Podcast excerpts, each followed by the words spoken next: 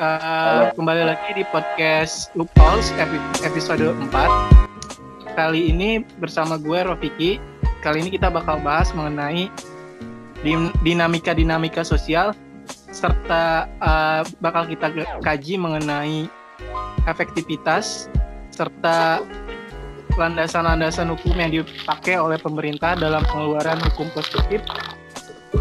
Jadi pada intinya kita bakal bahas mengenai um, apakah efektif apakah efektif pengeluaran Perpu nomor 1 tahun 2020 serta uh, dari segi fungsionalitas Undang-Undang tahun 2018 mengenai karantina wilayah itu apakah digunakan secara efektif dalam penanganan corona atau tidak? Serta kita akan membahas mengenai kebijakan-kebijakan pemerintah yang yang dikeluarkan dalam penanganan dan penanggulangan dari segi dampak ekonomi, sosial, politik maupun um, kesehatan dalam bidang corona. Jadi teman-teman, gue kali ini undang beberapa narasumber. Jadi yang berbeda dari podcast-podcast sebelumnya, biasanya kita ngelakuin itu live ya. Jadi uh, orang-orangnya kita kumpulin, kita diskusi bareng-bareng. Tapi saat ini karena ada social distancing, jadi kita ngegunain media online buat bahas topik ini.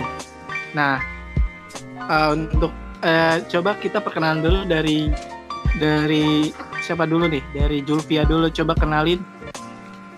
Eh udah.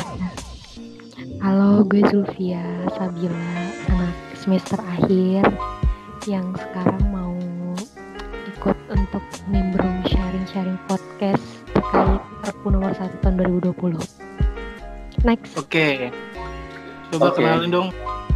Uh, halo. Perkenalkan. Halo. Nama saya Yusril Hardiansyah Pratama. Mungkin saya paling muda di sini ya. wow. Saya Fakultas Hukum 2017. Untirta. Mantap. Halo semuanya, nama gua Ricky. Nah, di sini mungkin kasih ini kali ya kita mau bahas tentang isu-isu uh, sekarang yang emang lagi banyak di terperdebatin terkait COVID-19 di negara kita sendiri Indonesia. Kalian kalian pastinya uh, banyak tahu dong dari segi uh, lambatnya penanggulangan dan uh, kebijakan yang dikeluarkan oleh pemerintah mengenai COVID-19 ini. Seperti kalian tahu kan COVID-19 ini sudah menjadi pandemik mengakibatkan penanganannya juga udah berbeda.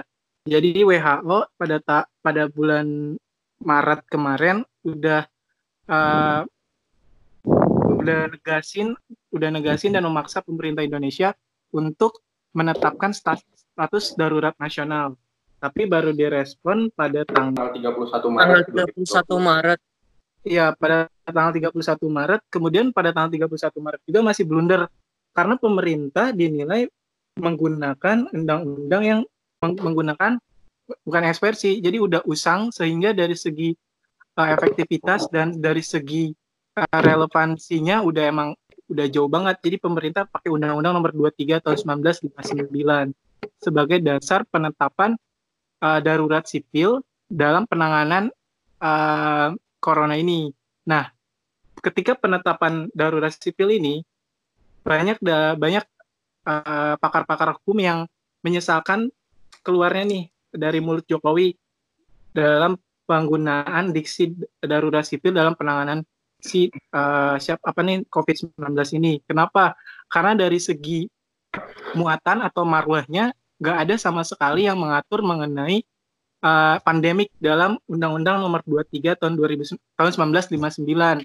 Karena pada marwahnya pada Undang-Undang Nomor 23 tahun 1959 itu lebih membahas mengenai kondisi-kondisi konflik internal yang terjadi uh, yang yang terjadi pada suatu negara lebih membahas mengenai pembatasan-pembatasan yang bukan bersifat untuk membatasi dari penularan atau penyebaran dari COVID-19 ini, tetapi lebih meng, uh, mengkontrol dari segi uh, penyebaran dari segi konflik yang ada pada masyarakat. Jadi dari segi marwahnya udah berbeda.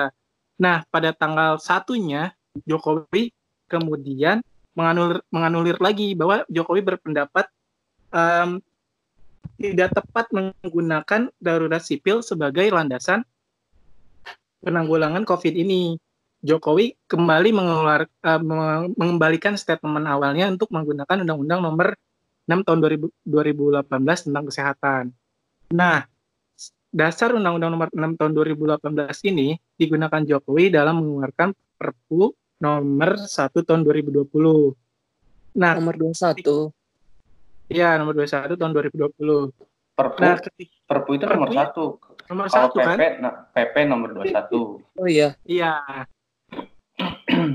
nah, itu yang menjadi uh, polemik kita saat ini karena ketika kita kaji bahwa muatan-muatan atau kebijakan-kebijakan um, yang di, yang dilakukan pemerintah itu lebih bersifat untuk melindungi dari segi fiskal dibandingkan dari segi sosial. Uh, gunakan Undang-Undang Nomor 6 2018 tentang social distancing yang pada nyatanya mengatur beberapa hak yang harus diberikan pemerintah uh, dalam dalam penanganan ini kepada masyarakat dinilai tidak di, diakomodir dalam Perpu atau PP yang dikeluarkan oleh pemerintah.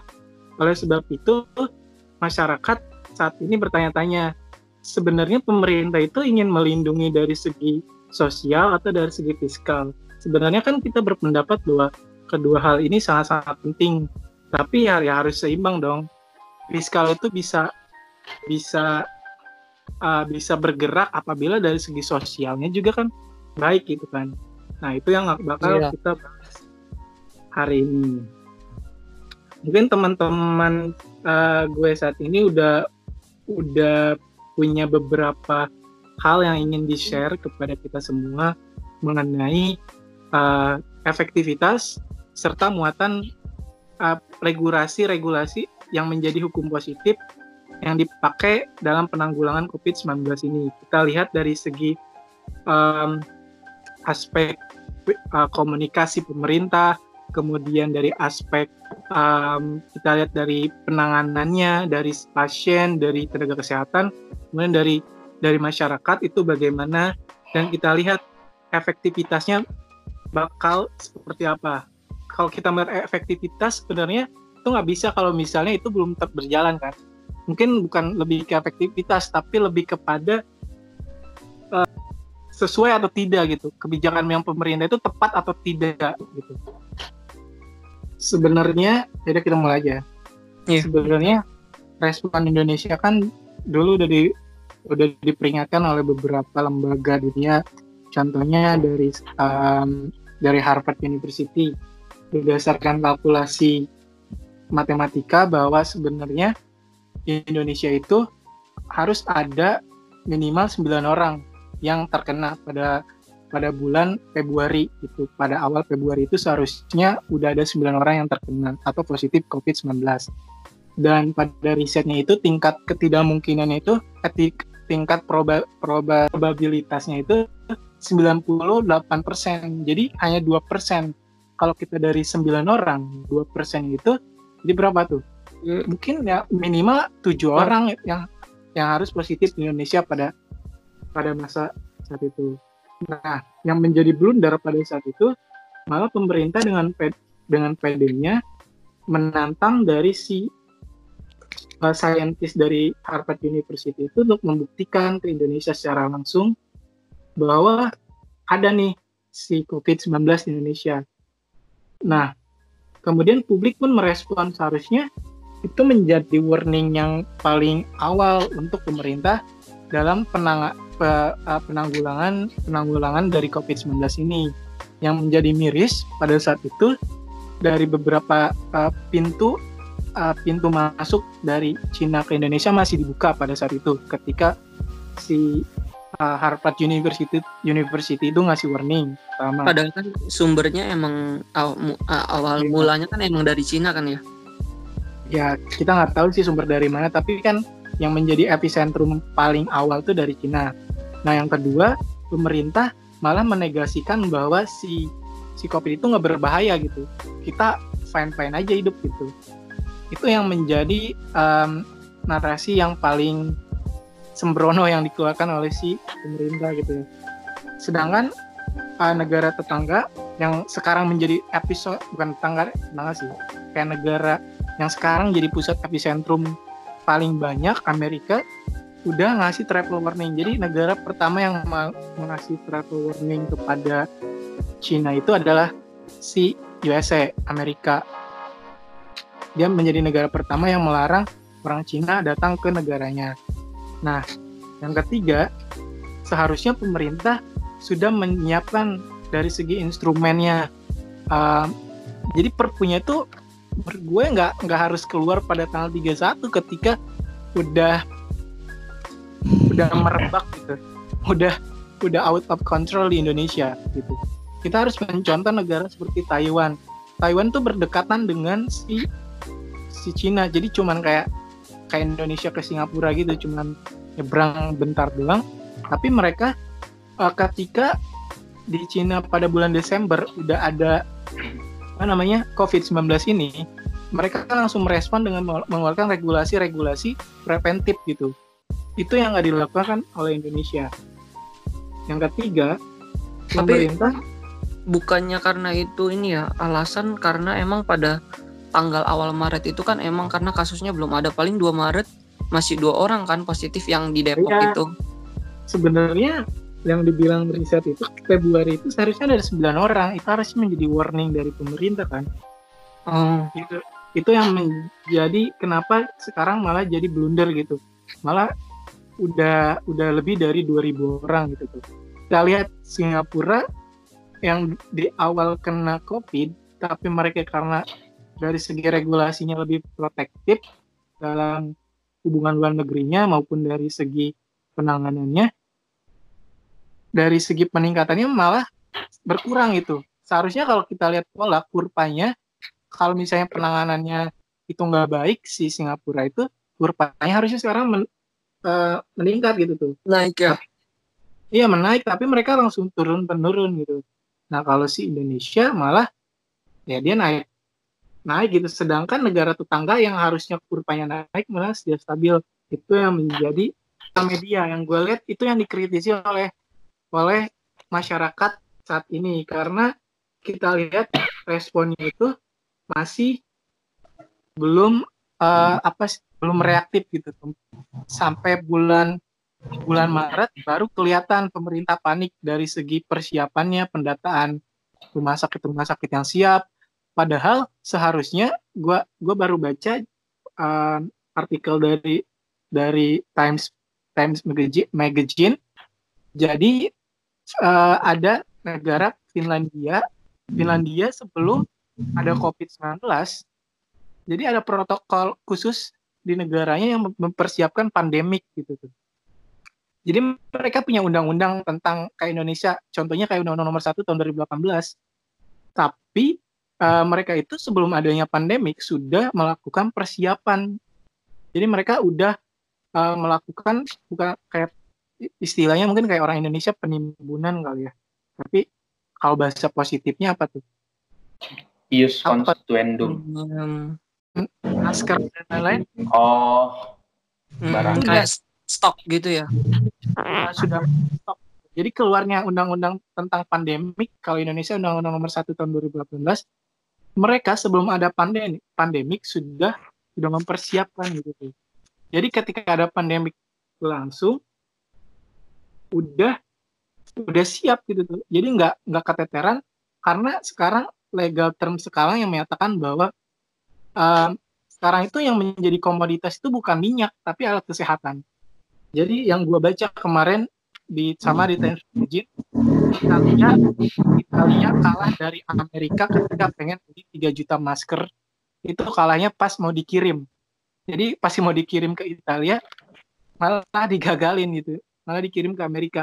Jadi itu yang memicu sekarang konflik itu bukan masalah minyak lagi, alat kesehatan yang memicu konfliknya. Jadi emang dari segi persiapan, Indonesia nggak punya persiapan sama sekali mengenai COVID-19 ataupun pandemik dari yang lainnya. Kalau kita kaji nih, apa guys nomor 6 guys? Nomor 6 tahun 2018 tentang karantina kesehatan. Iya nomor, nomor 6 guys. Nah kan kalau misalnya menurut teori hukum nih secara secara da dasen ya suatu Hmm. undang-undang itu harus bisa memenuhi tiga unsur kan secara su- struktural substansial dan apa sosial ya. Kultur, budaya. iya kultural tapi dari kita lihat apa yang dilakukan pemerintahan tuh nggak nggak memenuhi tiga unsur tersebut gitu tuh benar nggak sih Eh, iya. Hmm. Iya. dari segi dari segi struktural coba kita lihat malah yang lebih menggunakan malah penggunaan tenaga militer militer dan polisi gitu dalam proses penanganan covid yang lebih gencar gitu dibandingkan penggunaan tenaga kesehatan serta kita lihat kebijakan-kebijakan pemerintah tuh yang kadang kita yang kita lihat kurang kurang edukatif gak sih eh kurang gimana ya kurang edik iya kurang edukatif dalam penanggulangan pemeri, eh, penanggulangan COVID-19 ini. Oke. Iya. Boleh Oke. masuk nggak? keadaan darurat kesehatan sebenarnya kan kalau kita lihat undang-undang karantina sendiri kan eh, keluar eh, berdasarkan penetapan status negara dalam keadaan darurat sipil kan berdasarkan Perpu 159 atau dalam tepatnya jikalau negara saat ini dalam keadaan darurat perang atau darurat militer tadi nyambung sama yang tadi tapi penetapan status negara dalam keadaan darurat sipil berdasarkan Perpu 1959 ini kalau negara itu emang dalam pemberontakan, dalam kerusuhan, peperangan. Jadi kayak nggak relevan gitu ketika eh, eh, Perpu ini digunain. Seharusnya kan emang digunain. Iya. Seharusnya kan lebih digunain buat ini kan lebih tepatnya mungkin lebih ke undang-undang karantina kesehatan karena emang sekarang kan lagi mengancam tentang darurat kesehatan. Ya sebenarnya udah fokusnya harus ke undang-undang nomor satu gitu kan ya. yang mau gua yang kita bisa lihat itu sebenarnya keterlambatan dari penanganan pemerintah itu dari diterbitnya PP nomor 21 2020 tentang pelaksanaan pembatasan berskala besar dalam rangka percepatan penanganan corona ini sebenarnya menurut gua Apa? beberapa beberapa, beberapa isinya juga kayak nggak kurang relevan. Di mana tentang penanganannya itu bagaimana pelaksanaannya itu bagaimana. Jadi kayak ya cuma eh, berisi pelaksanaan sebagian undang-undang dari nomor 6 tahun 2018 tentang karantina. Khususnya ya cuma mengenai PSBB saja. Tapi enggak kayak tentang gimana cara ini. Kayak mungkin tentang penerapan PSBB ini tentang daerah kali ya. Kita lihat eh, pembatasan itu. Karena kan kayak COVID ini kan sebenarnya kalau dari penelitian penyebarannya mungkin lebih masif daripada tingkat eh, kematiannya. Nah, sedangkan dalam PSBB itu cuma kayak berwenang pembatasan terhadap pergerakan orang, tapi itu juga kayak masih minta pelaksanaannya itu atau keputusan itu dari pusat. Nah, jadi kayak tumpang tindih antara pemerintah daerah pusat padahal kan seharusnya kalau kita lihat itu eh, pemerintahan daerah yang harusnya lebih tahu eh, kondisi daerah dia daripada pusat kan. Iya karena kan nggak mungkin dari daerah terus tiba-tiba dikabarin eh, sekarang eh, udah ada berapa orang terus kayak gitu tentang itu jadi kayak emang dari situ aja udah bisa kelihatan data yang ditampilin sekarang itu kayak belum tentu benar juga gitu Rick, gue mau nanya nih.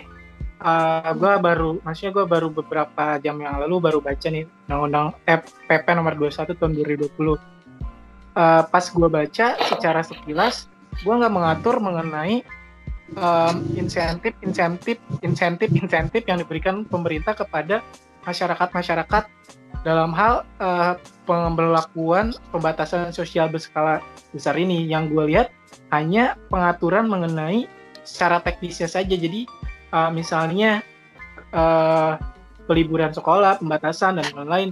Sedangkan hak-hak dari masyarakat nggak diatur gitu di situ. Apa menurut lu di undang-undang eh di PP nomor 21 itu apa sih yang kurang kurang di highlight oleh pemerintah?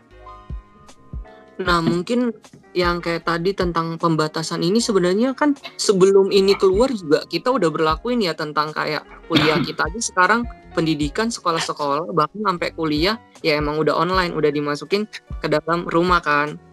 Iya. Nah, kita keluar. Sebenarnya itu cuma kayak mempertegas supaya nggak cuma imbauan mungkin menurut gua ya. Maksudnya dalam artian pemerintah emang uh, kayaknya tujuan dari awalnya itu emang nggak pengen menetapkan karantina wilayah atau mungkin karantina wilayah itu ya, lebih ke lockdown kali ya kalau orang luar bahasanya. Karena kan kayak misalnya Malaysia Filipina nah itu kan mereka pakai kata lockdown. Tapi kalau kita kan emang karena karantina wilayah jelas diatur di Undang-Undang nomor 2018 ya nah terkait tentang ini juga ya ada nggak sih di sini diatur nggak? Mengatur mengenai hak hak masyarakat. Kan kalau yang gua baca di Undang-Undang nomor 6 tahun 2018 di situ diatur secara uh, eksplisit secara langsung gitu yang nggak implisit bahwa um, dari segi kebutuhan pokok dari segi dan lain-lain itu tuh bakal diprovide oleh pemerintah ketika terjadi uh, karantina wilayah atau atau lockdown ini ya tapi di di PP hmm. nomor 21 itu nggak ada sama sekali bahas mengenai ini tapi tapi emang itu emang di PP yang kita bahas sekarang itu emang nggak ada uh, menjelaskan tentang kalau pemerintah harus menyediakan kebutuhan dasar hidup masyarakat, terus tentang uh, menyediakan kebutuhan dasar pokoknya, katakanlah mungkin kayak sekarang sembako, listrik yang mungkin sudah mulai diberlakukan, tapi di PP sendiri nggak ada. Nah, tapi apa menurut lu pemerintah di sini setengah-setengah nggak sih dalam dalam uh, pemenuhan hak hak masyarakat? Karena menurut gue sih apa yang dilakukan pemerintah itu masih ketakutan gitu. Kalau misalnya di kita cantumin langsung cara langsung dalam PP ada kewajiban kan yang harus diberikan oleh pemerintah. Tapi saat ini pemerintah kayak lebih apa ya? Kayak dia tuh nggak mau nggak mau diatur gitu dalam PP, tapi ya tetap ngebantu masyarakat yang membutuhkan gitu dari segi subsidi listrik dan lain-lain. Iya benar pemerintah gak punya duit gitu atau gimana sih? Tapi mungkin lebih ke arah ekonomi kali ya biar uh, kan mungkin kita lihat sekarang Jakarta lah ya. Jakarta kan udah diresmikan jadi uh, bisa melakukan karantina wilayah. Nah, mungkin kalau Jakarta aja mungkin me memenuhi kebutuhan masyarakat yang di Jakarta aja mungkin juga nggak cukup sih menurut gua apalagi kita punya banyak uh, provinsi kan dengan menutup semua izin keluar masuknya daerah atau kota itu cukup nggak untuk bisa menyediakan kebutuhan yang tertulis dalam eh maksudnya yang tercantum dalam undang-undang tentang karantina eh tentang tahun 2018 tadi.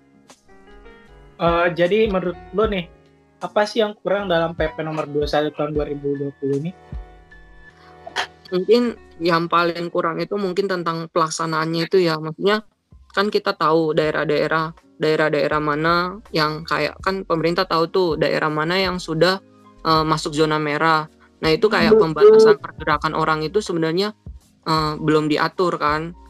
Terlebih dari uh, kayak tentang peng, uh, polisi, polisi juga kan sebenarnya uh, pembatasan itu polisi harusnya ikut kan. Nah ternyata di dalam PP 021 2020 ini polisi atau TNI itu misalnya nggak punya hak sebenarnya untuk uh, memberikan atau uh, tentang mobilitas orang itu membatasi mobilitas orang. Tapi ternyata eh, uh, fakta di lapangannya polisi malah memiliki kewenangan untuk mengawasi masuknya uh, orang dalam satu wilayah kan yang gue lihat sekarang yang punya peranan represif dalam uh, pen, pembatasan sosial ini lebih kepada aparatur sipil negara ini ya kayak ASN kayak polisi dan lain-lain.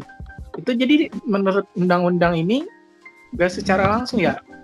Iya ternyata setelah kita lihat lagi di undang-undang di ini di apa di PP 021 tahun ini juga nggak memberikan.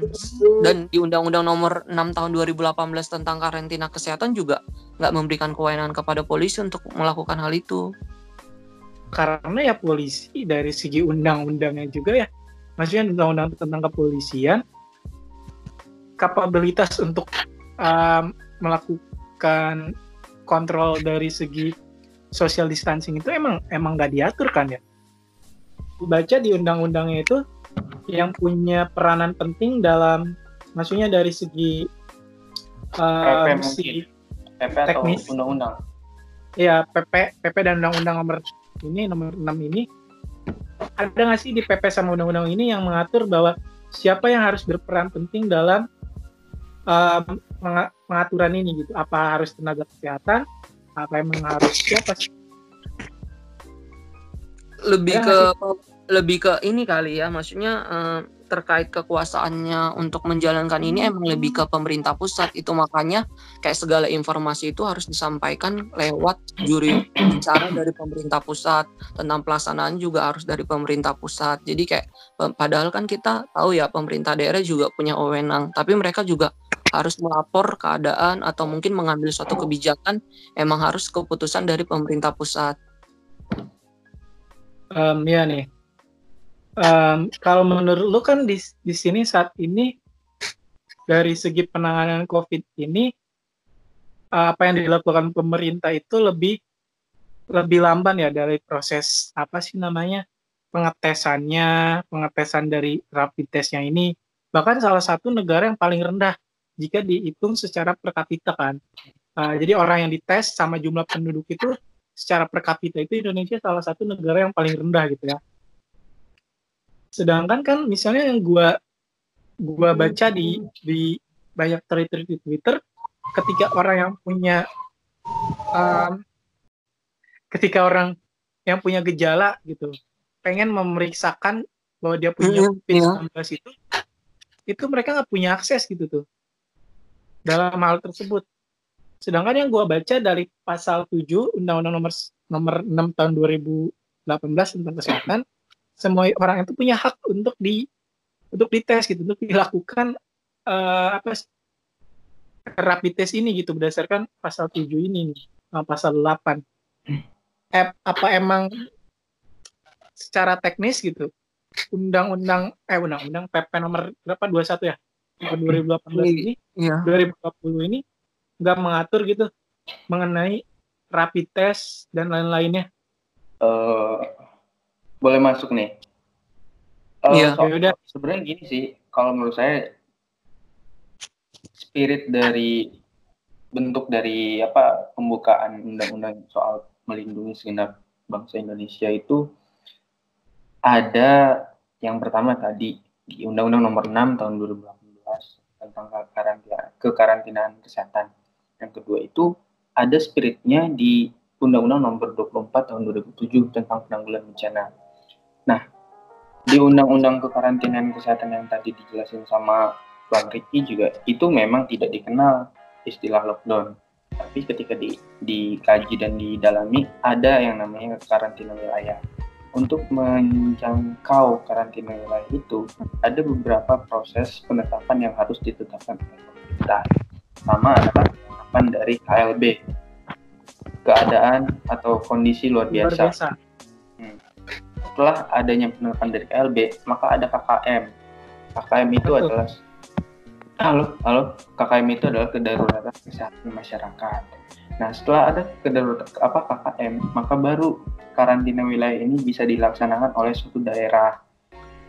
Jadi di di ke, di kekarantinaan wilayah itu sebenarnya daerah punya kewenangan untuk melockdown daerah dia sendiri. Gitu. itu Tanpa dasar hukumnya pakai apa sih? Kekarantinaan wilayah.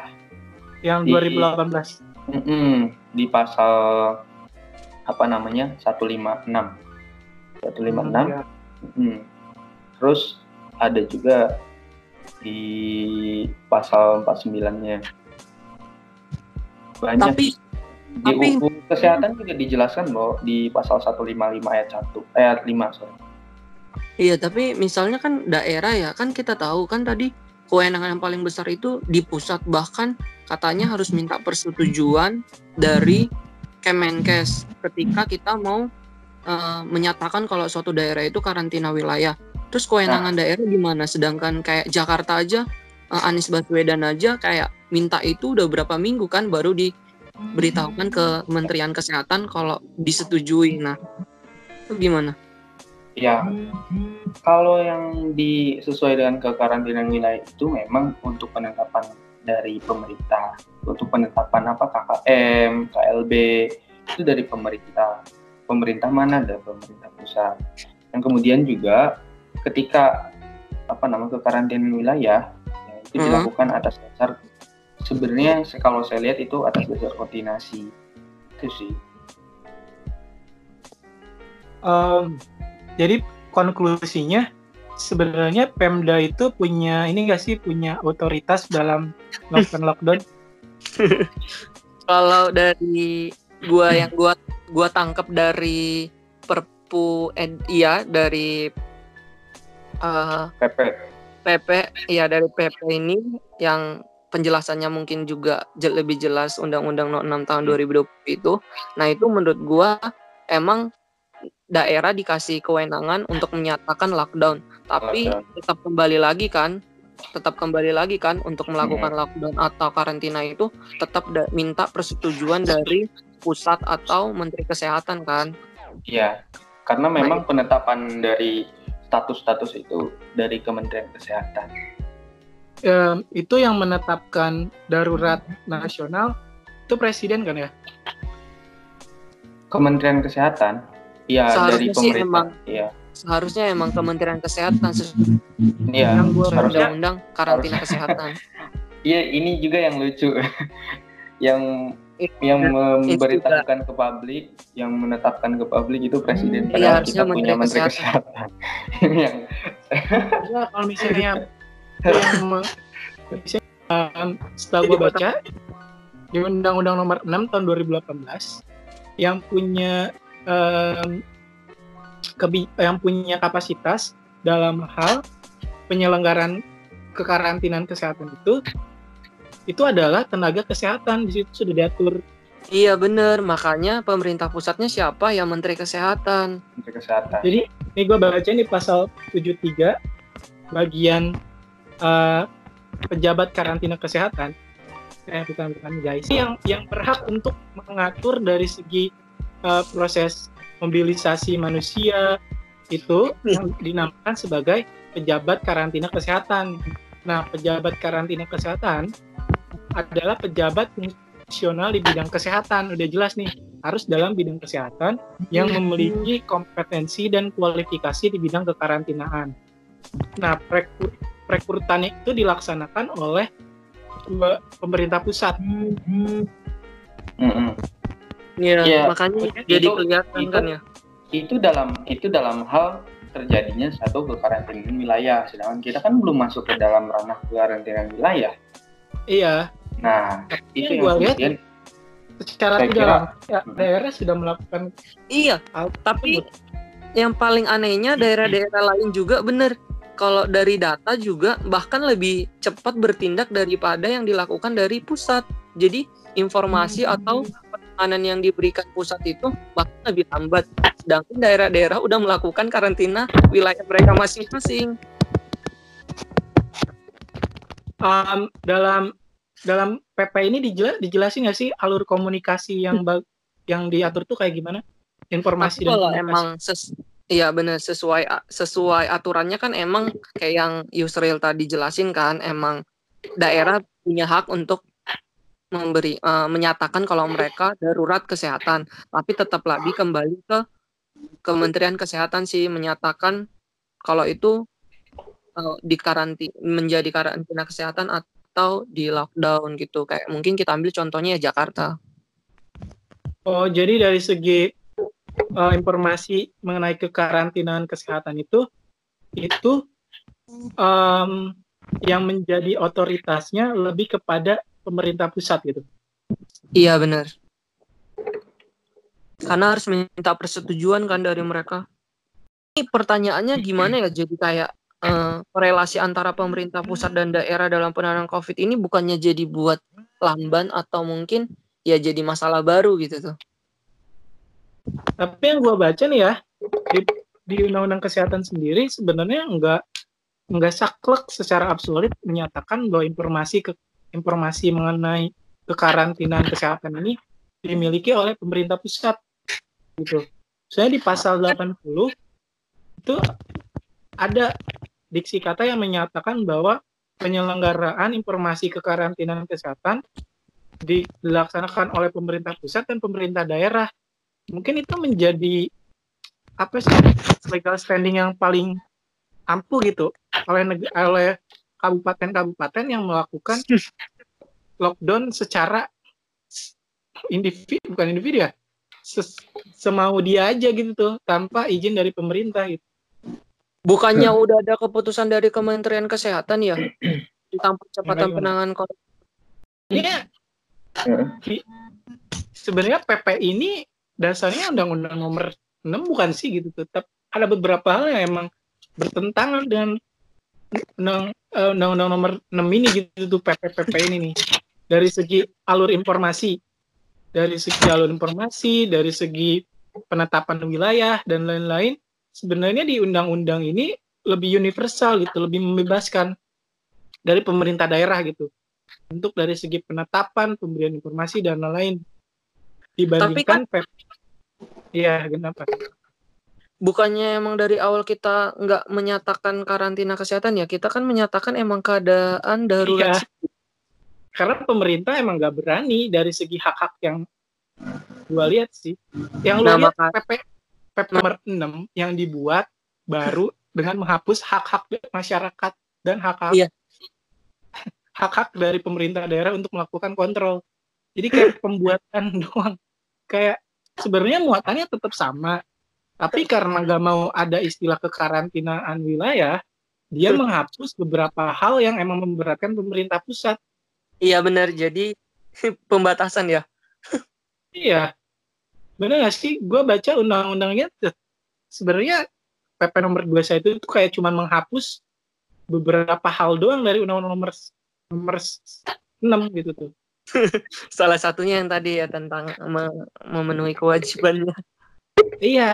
Soalnya kalau pembatasan pembatasan sosial nggak perlu dibuat maksudnya PP ya tentang pelaksanaan ya. Ya landasan betul. hukumnya tetap ke dalam Undang-Undang Nomor 6 Tahun 2018. Ini Undang-Undang Nomor 6 Tahun 2018 dijelasin juga social distancing ini atau pembatasan sosial.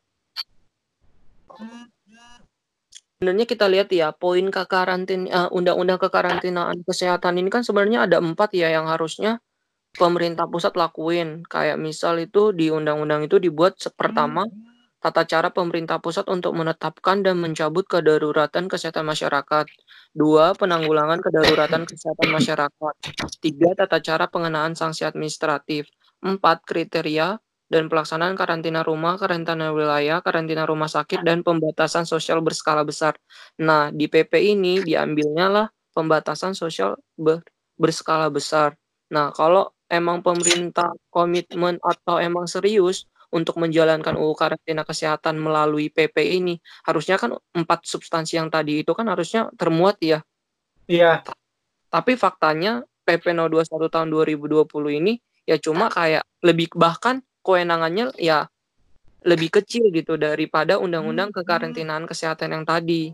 Ya cuma yang mengenai P- PSBB, pembatasan skala besar yang tadi. Jadi yang yang menurut lo secara substansial yang nggak dipenuhi dalam PP nomor 21 itu apa? Yang tadi delegasi kali ya, delegasi tentang pemerintah pusat ke pemerintah daerah itu di PP itu sendiri juga nggak ada, tetap aja kan harus balik lagi ke pemerintah pusat kan.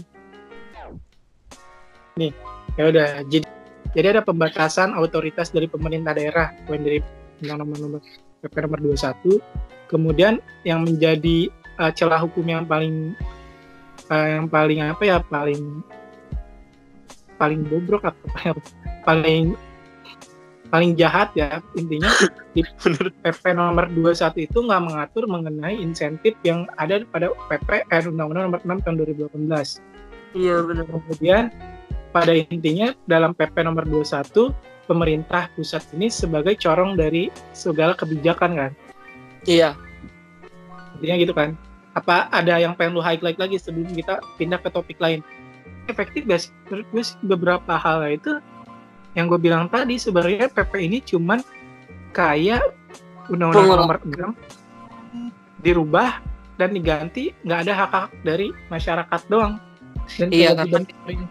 Karena isinya cuma sama aja kan, kayak pengulangan dari undang-undang karantina kesehatan aja. Sedangkan kalau menurut hierarki dari PP, PP kan peraturan pelaksana kan ya dari undang-undang kan. Iya. Aturan ya kayak secara teknis mengatur lebih detail gitu kan. apa pemerintah bikinnya sehari semalam doang asal jadi atau gimana ya coba teman-teman yang lain ada yang men ingin menanggapi mengenai oke okay. nah kita sudah selesai nih bahas PP nomor 21 tahun 2000 2020 PP nomor 21 itu adalah bentuk teknis pelaksanaan dari Undang-Undang nomor 6 tahun 2018 nah pemerintah dalam uh, melakukan dalam mengeluarkan kebijakannya lo tuh secara general mau bahas apa Jul? Kalau gue sih kayak lebih mempertanyakan dulu sih. Kan kalau lihat dari judulnya itu kan stabilitas sistem keuangan untuk penanganan pan, uh, eh, COVID-19 dan atau dalam hmm. rangka menghadapi ancaman yang membahayakan perekonomian nasional dan atau sistem stabilitas sistem keuangan.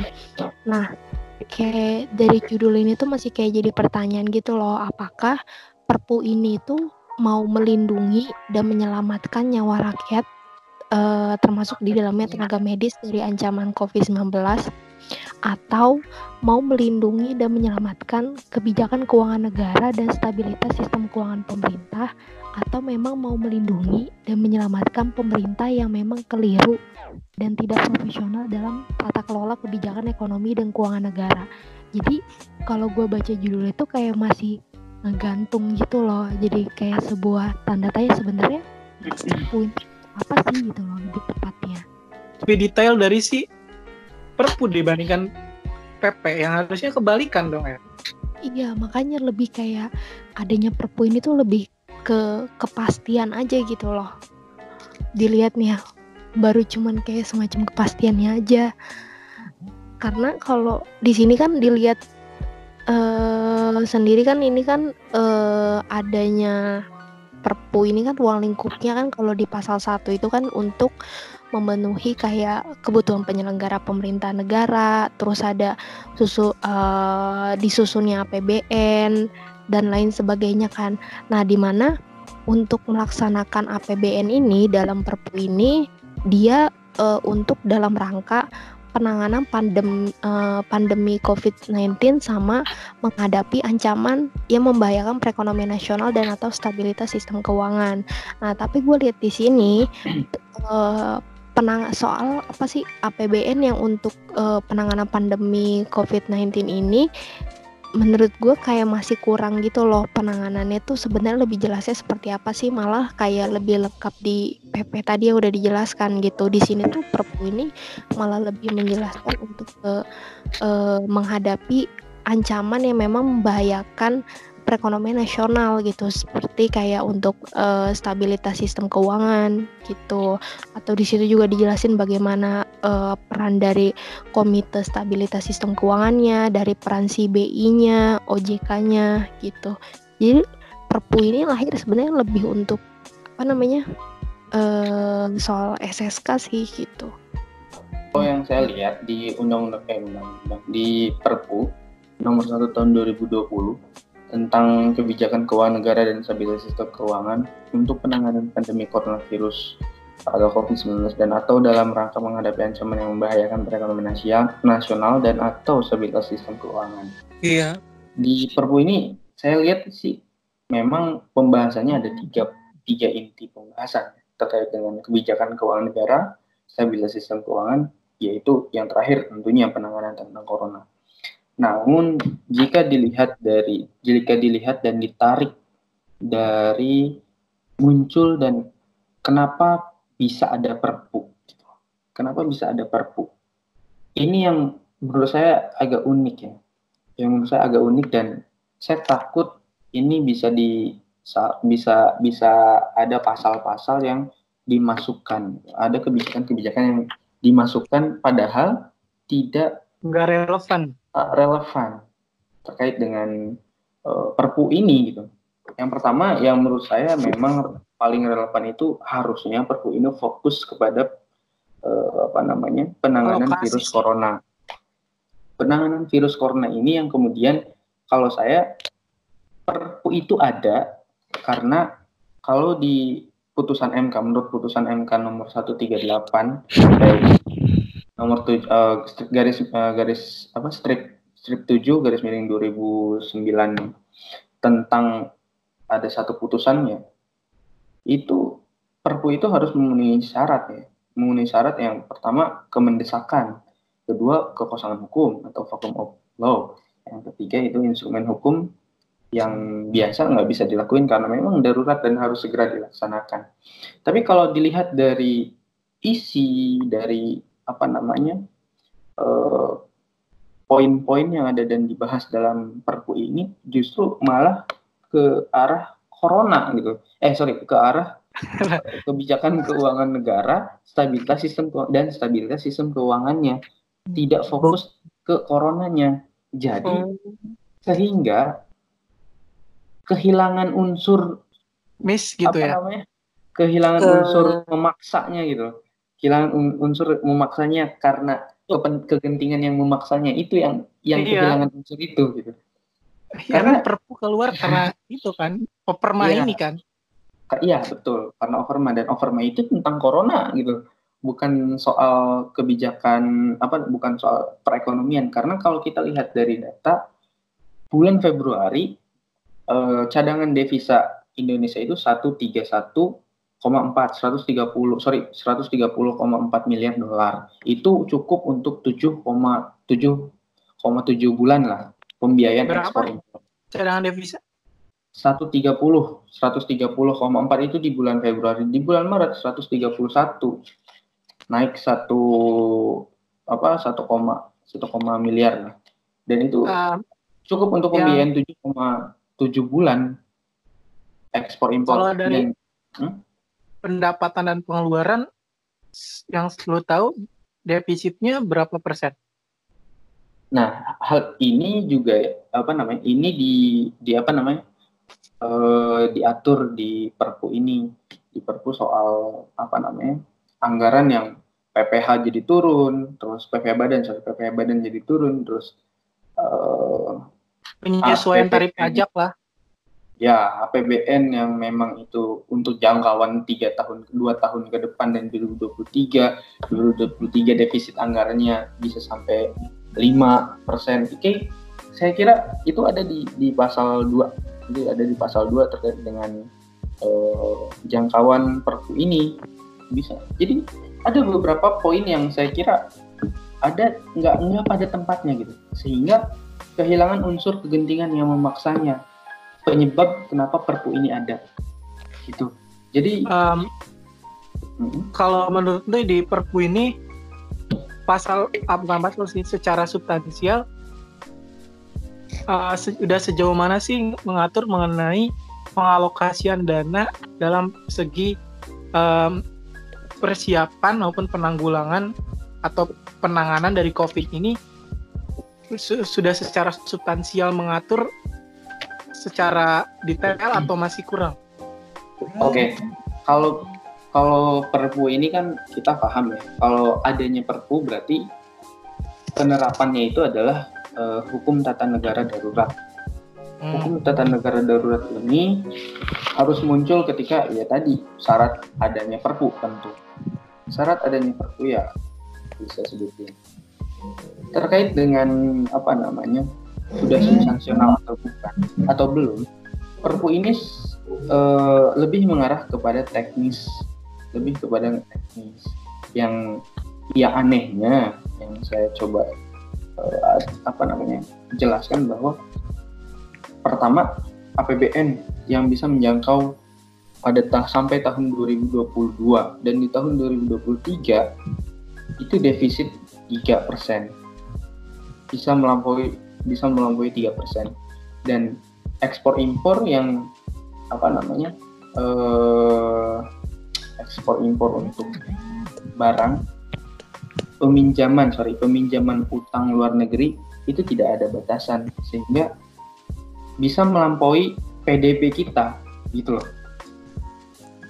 Dari si ininya bebannya. Iya. Jadi dari uh, bi jadi si utang negara ini bisa melebihi PDB kita. Sehingga apa ya itu diatur di pasal berapa di Perpu?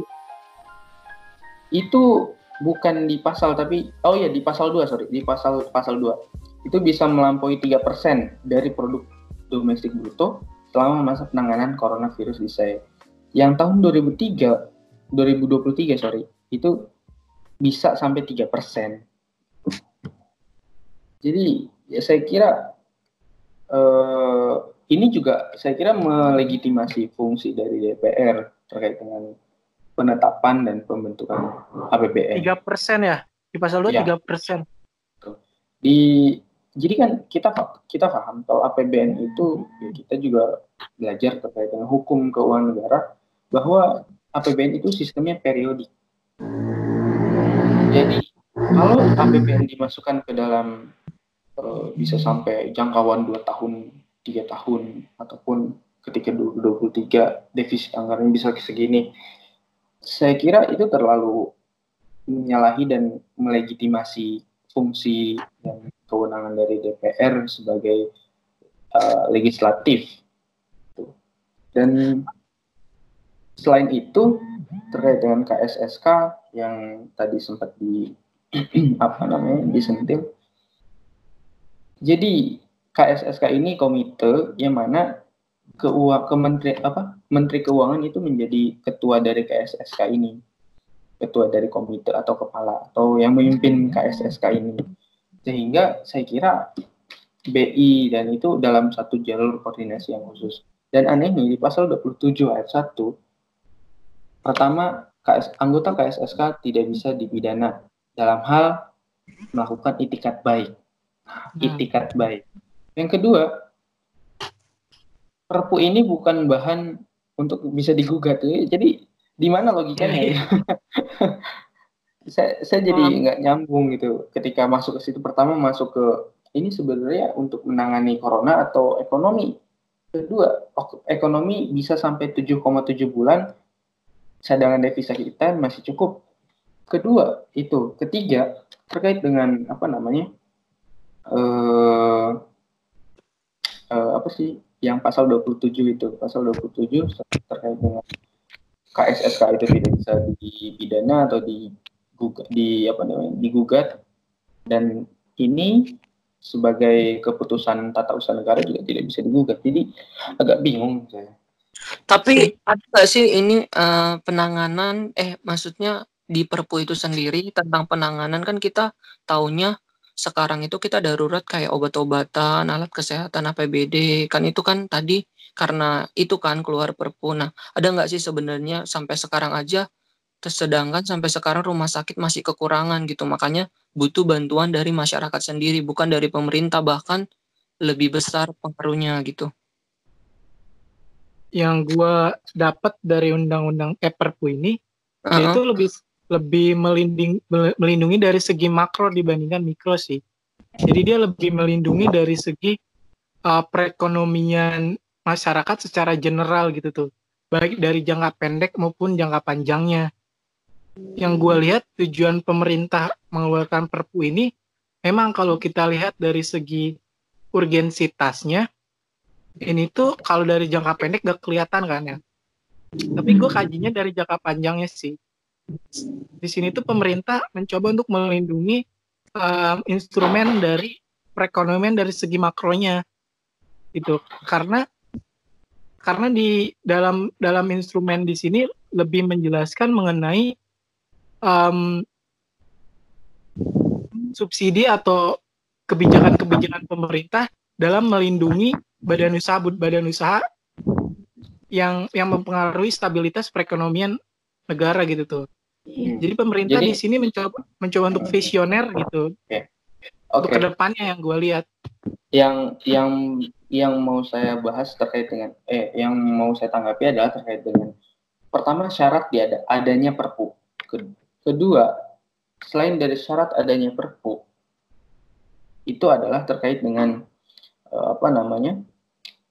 Uh, keadaan yang luar biasa ini apakah cadangan devisa kita masih cukup?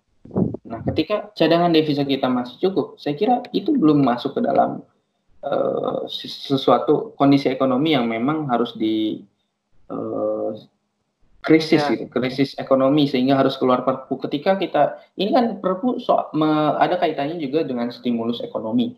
Dan stimulus ekonomi ini adalah pertama kayak tadi memasuk-masukkan eh, sti- memberikan stimulus kepada UMKM, bank, terus eh, lembaga keuangan lainnya sehingga perekonomian bisa eh, kembali terangkat. Sebenarnya itu isi muatannya seperti itu. Tapi ternyata kalau kita pengen ngubah APBN itu hanya satu, nggak usah nggak usah pakai ribet-ribet pakai perpu sebenarnya. Kalau memang tujuannya untuk mengubah APBN, memberikan stimulus, berarti pengalokasiannya diubah. Itu nggak usah pakai perpu kalau menurut saya. ya. Tapi RAPBN. Yang gue lihat sih ya.